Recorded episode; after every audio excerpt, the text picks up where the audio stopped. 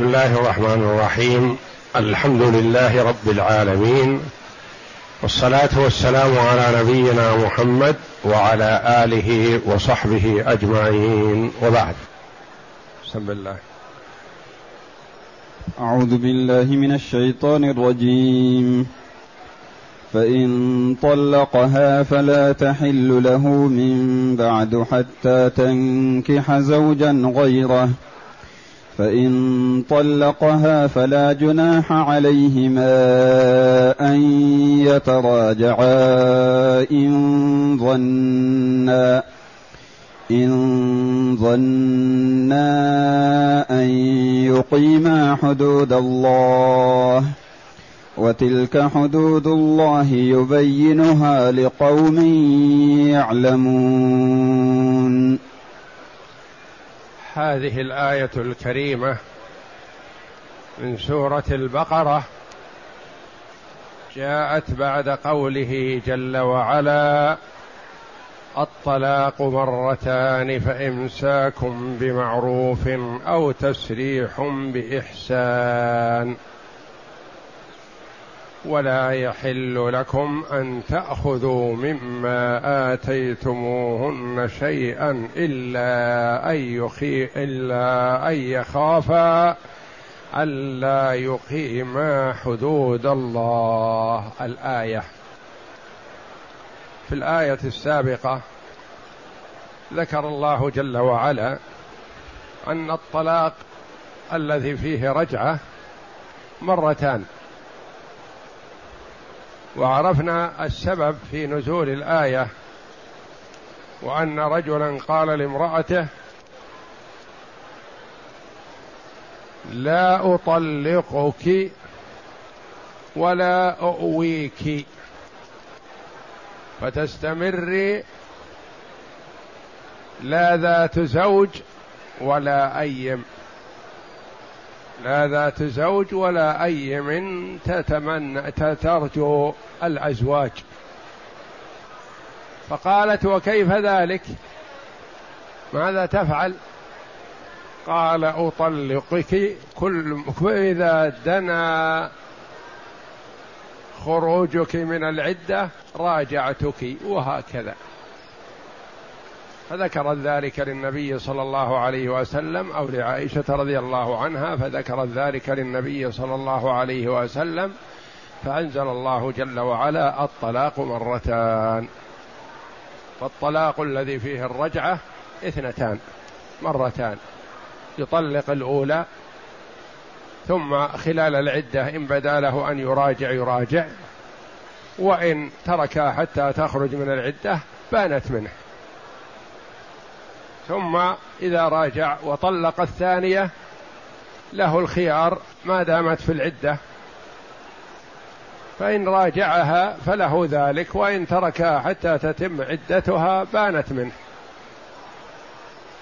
فإن طلقها الثالثة فلا رجعة له عليها حتى تنكح زوجا غيره.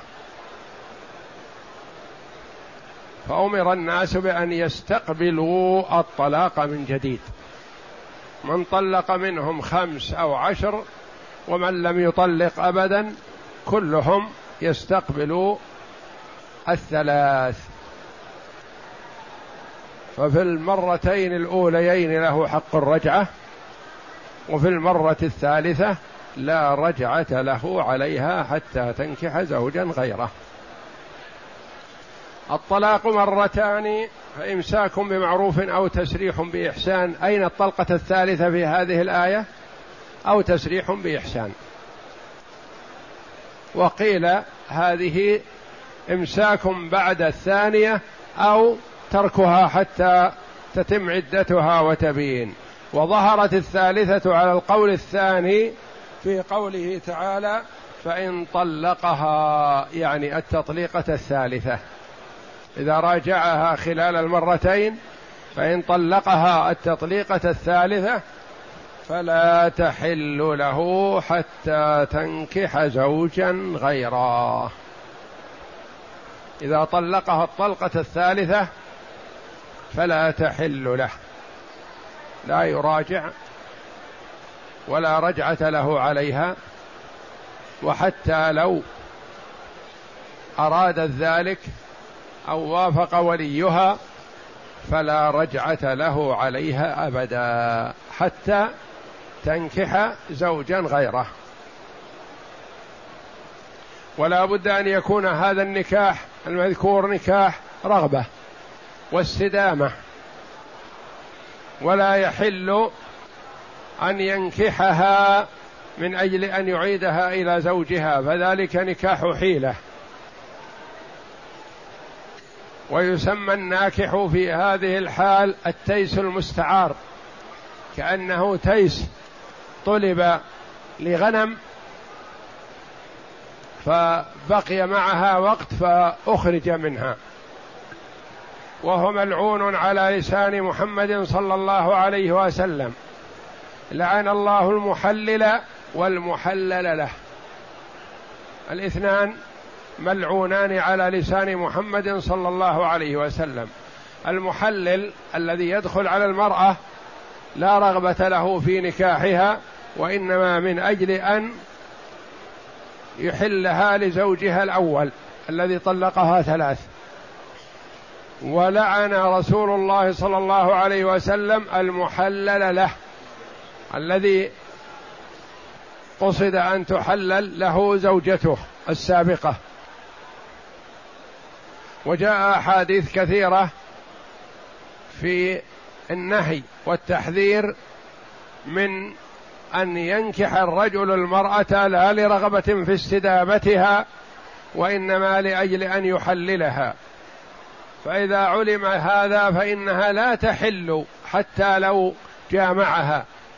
فإنها لا تحل لزوجها الأول حتى ينكحها زوج آخر له رغبة في استدامتها ثم إذا طلقها فيما بعد فلها أن ترجع إلى زوجها الأول.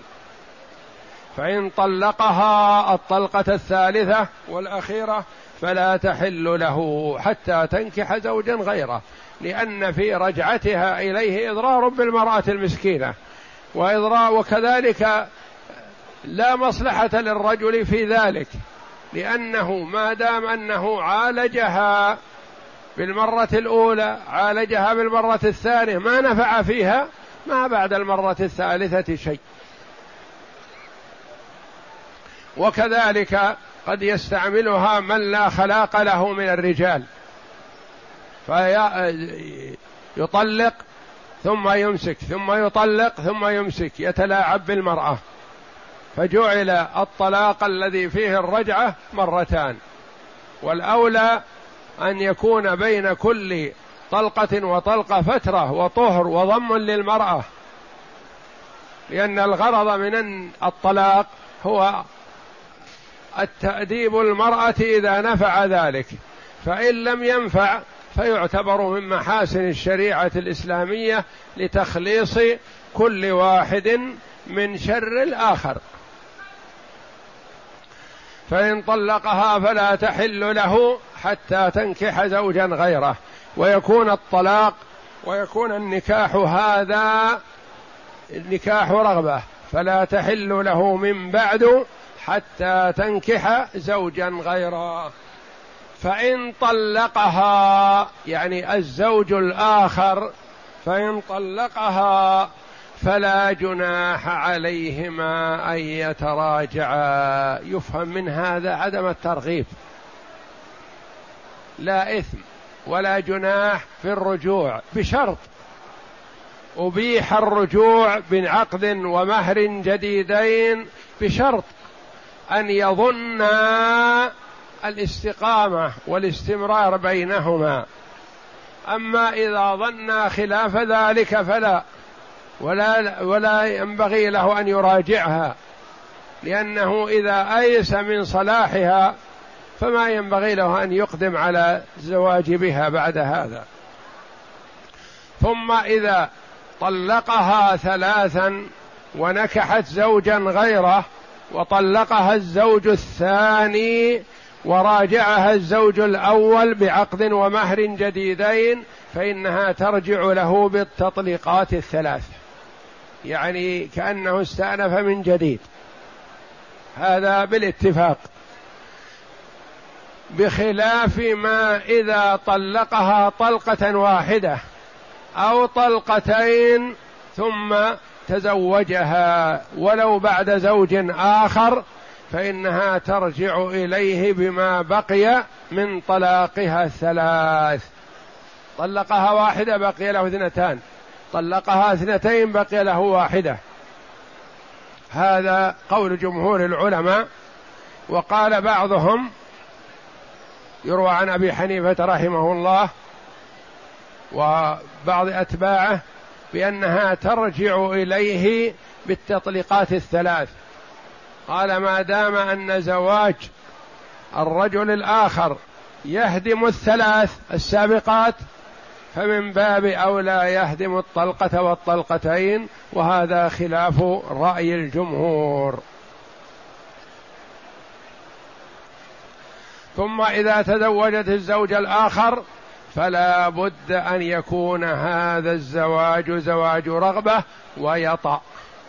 ما يكفي العقد إلا عند سعيد بن جبير رحمه الله آه، فقال يكفي أخذا من ظاهر الآية في قوله تعالى فلا تحل له من بعد حتى تنكح زوجا غيره قال النكاح العقد فإذا عقد عليها زوج آخر وطلقها ترجع للأول. وهذا خلاف رأي الجمهور وخلاف ما دلت عليه السنة.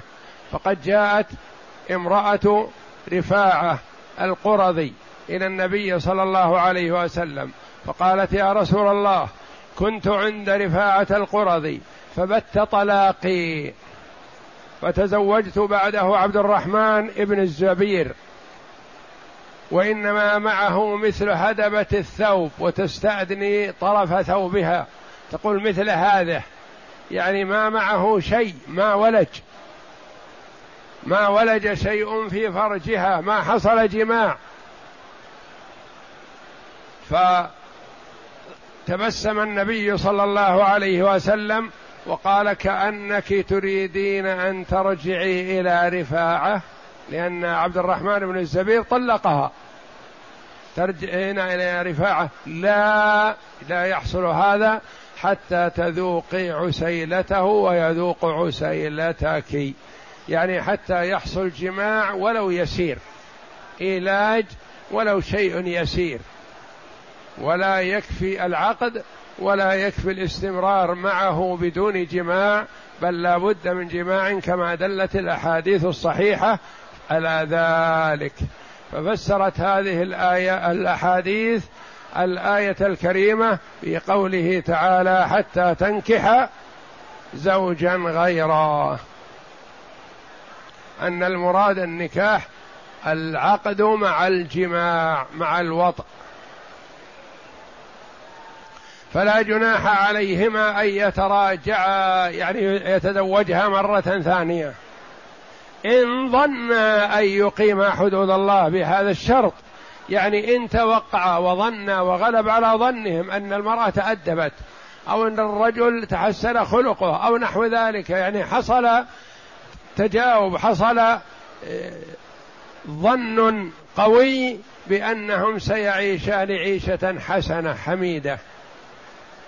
إن ظن أن يقيما حدود الله والمراد بحدود الله جل وعلا حقوق كل واحد من الزوجين. كل واحد يقيم حق الآخر يؤدي حقه. وتلك حدود الله يبينها لقوم يعلمون. فالله جل وعلا بين وأظهر أحكامه وجلاها لعباده ليعلموها وليؤدوها وليقوموا عليها. وتلك حدود الله يبينها. وقال لقوم يعلمون والمراد الأمة عامة والمراد العباد كلهم ولكنهم هم الذين يستفيدون من بيان الله جل وعلا.